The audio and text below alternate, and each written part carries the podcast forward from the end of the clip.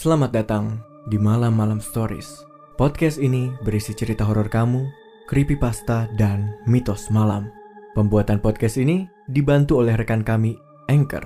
Anchor bisa bantuin kalian bikin podcast mulai dari rekaman, edit suara, tambah lagu, pokoknya semuanya bisa kamu lakukan sendiri dalam satu aplikasi. Anchor ini gratis. Bisa di-download dari App Store dan Play Store atau bisa juga diakses dari website www.anchor.fm.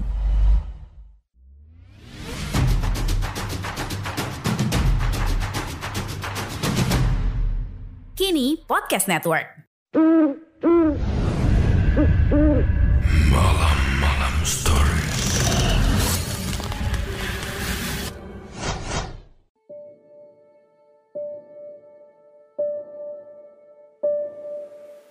Aku dan saudara kembarku menyadari kemampuan twin tuition atau ikatan batin. Orang tua kami bilang kalau komunikasi tanpa kata dan suara ini hanya gurauan semata. Tapi kami sungguh memahami satu sama lain.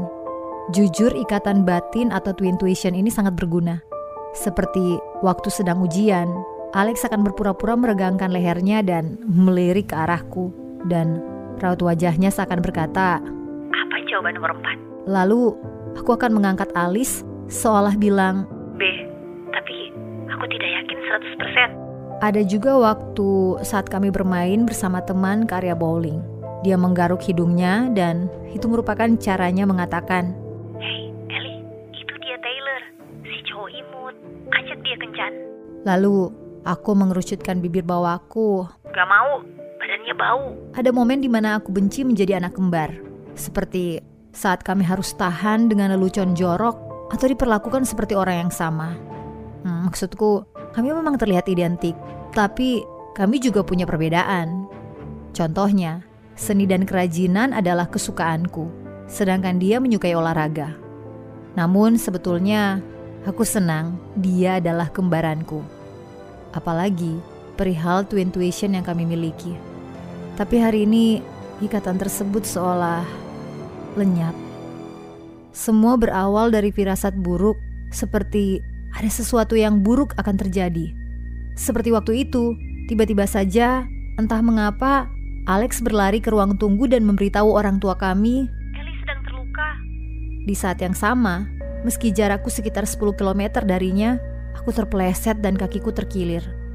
Lalu, ada juga waktu di mana aku mendengar suara dari dalam kepalaku mengatakan kalau Alex membutuhkanku dan aku menelponnya tepat sebelum mantannya mencampakannya.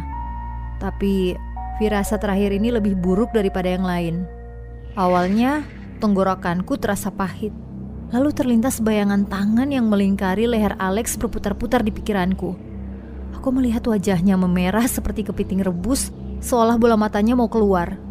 Aku bahkan hampir bisa mendengar jeritannya yang yang seperti tersedak itu. Saat itu, dia tidak menjawab teleponnya dan aku merasa sangat frustasi memikirkannya. Aku ingin memastikan dia aman. Jadi, aku berlari menuju rumah, menaiki tangga dan masuk ke kamar kami. Alex yang berjongkok di samping tempat tidur susun kami dengan santai berdiri dan berkata, Hei, itu membuatku bingung. Aku memeluknya dan berkata, tolong. Tolong bilang kalau kamu baik-baik aja. dia memalingkan wajahnya dan mengangkat bahuku dengan cara yang sangat tidak seperti Alex. Aku emang baik-baik aja kok. Mataku tetap tertuju padanya. Tubuhku masih kaku dan gemetar. Aku punya firasat kalau kamu dalam bahaya. Enggak kok, firasatmu salah. Aku mengamati kamar kami. Di sudut kamar ada seragam sepak bola Alex yang tergantung di lemari. Di sampingnya terdapat meja belajarku yang masih berantakan dengan kuas cat, pensil warna dan gulungan benang yang berserakan. Oke, tidak ada yang mencurigakan. Tapi bayang mengerikan itu tidak mau pergi dari pikiranku. Bayangan Alex yang terperangkap di suatu tempat gelap. Sekarang aku semakin bingung. Bener nih, kamu baik-baik aja. Dia menatapku dan tiba-tiba wajahnya menunjukkan ekspresi masam yang belum pernah kulihat sebelumnya. Iya, bener kok. Suaranya juga menjadi aneh. Terdengar marah namun datar, seperti seperti dia menyembunyikan sesuatu. Ini sungguh aneh.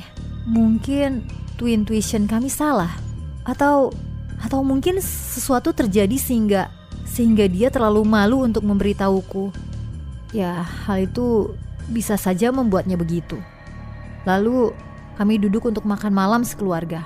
Ayah sedang memasak dan saat aroma kastrol daging sapi khas buatannya tercium, Alex dan aku saling menatap dari seberang meja.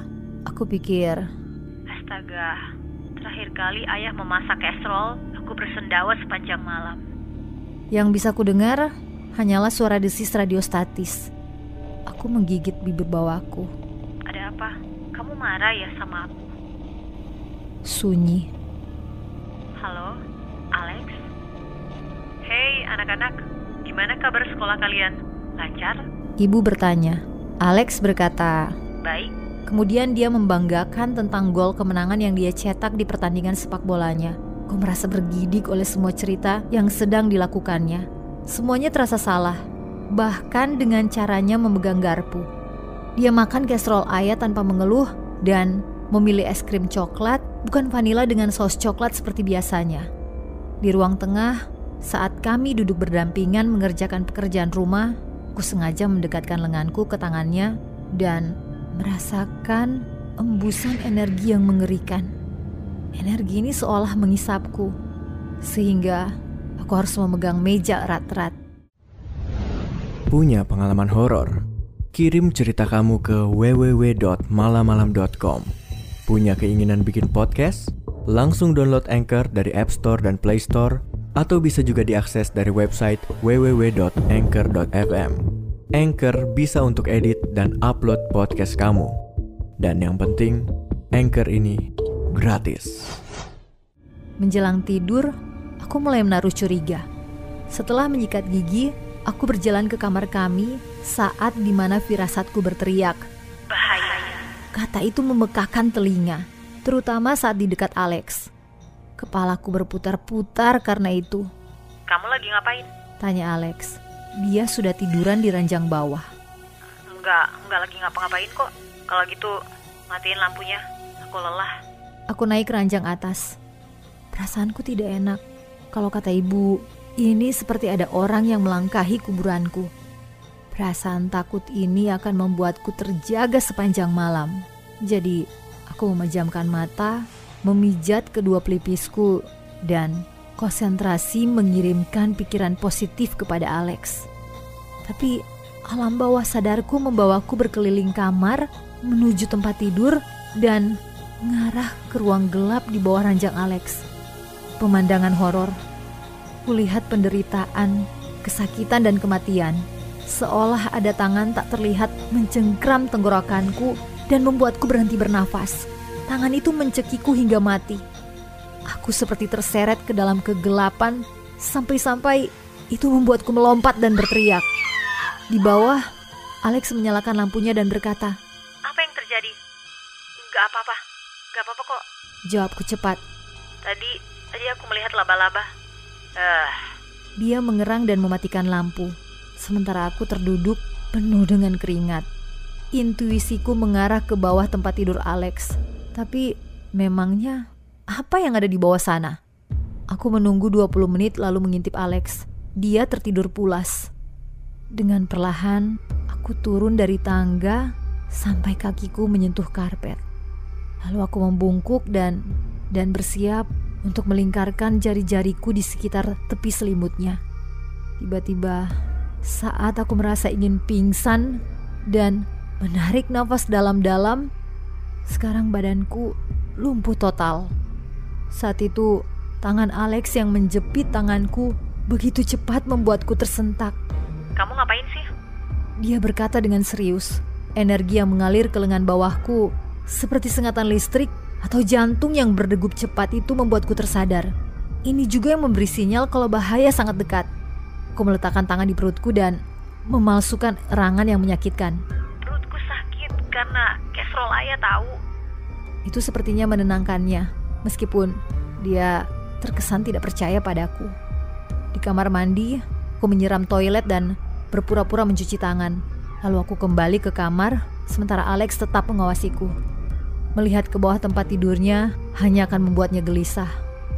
Tapi mungkin ada cara lain untuk mencari tahu apa arti firasat ini. Jadi, aku berjalan ke meja dan mengacak-acak buku di dalam tas ranselku. Sekarang apa lagi? Dia bertanya dengan keras kepala. Aku lupa masukin PR-ku. Sambil menghadap ke dinding, aku dengan santai mengambil seutas benang dan ponselku. Aku menyembunyikannya di bawah piyamaku. Aku naik ke ranjang atas dan tetap terjaga sampai lewat tengah malam. Begitu aku mendengar Alex mendengkur, aku melilitkan benang di ponselku. Aku buka aplikasi kamera, mengubah video ke mode malam. Dengan hati-hati, aku mengikat benang tersebut ke jeruji ranjang. Inilah cara yang paling aman. Ponselku melayang di antara lantai dan ranjang bawah. Hanya saja, kameranya menghadap ke arah yang salah. Dengan sedikit ayunan, aku memutar ponsel beberapa kali, lalu menarik ponsel kembali. Aku menarik selimut sampai ke kepala dan menekan tombol play. Di awal kamera bergerak melewati Alex yang sedang tidur sampai melayang beberapa inci di atas karpet mengarah ke arah lemari. Beberapa detik kemudian, ponselku berputar 360 derajat. Aku sekilas melihat sebuah mata tampak putih mengerikan. Kamera berayun lagi.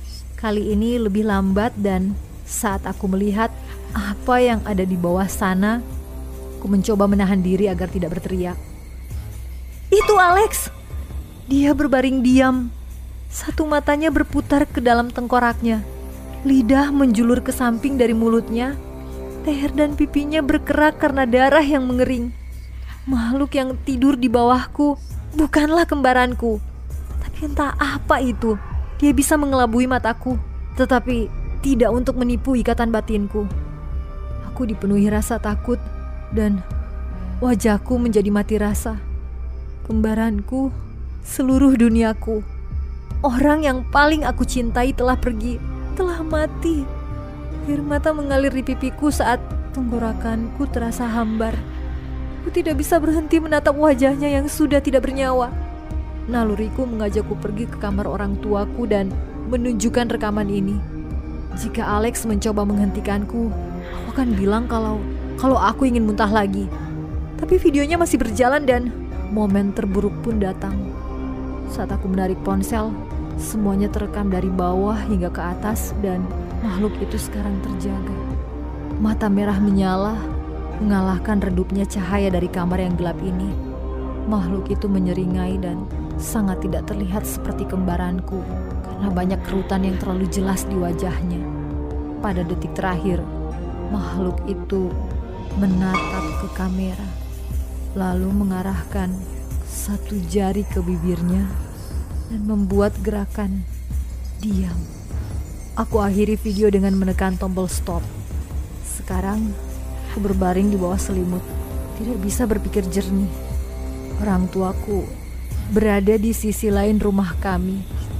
Mereka tidak menjawab teleponku, dan aku tahu betul kalau makhluk itu tidak akan membiarkanku keluar kamar. Aku terjebak, aku tidak tahu harus berbuat apa, dan aku ku ingin kembaranku kembali. Seseorang, tolong aku.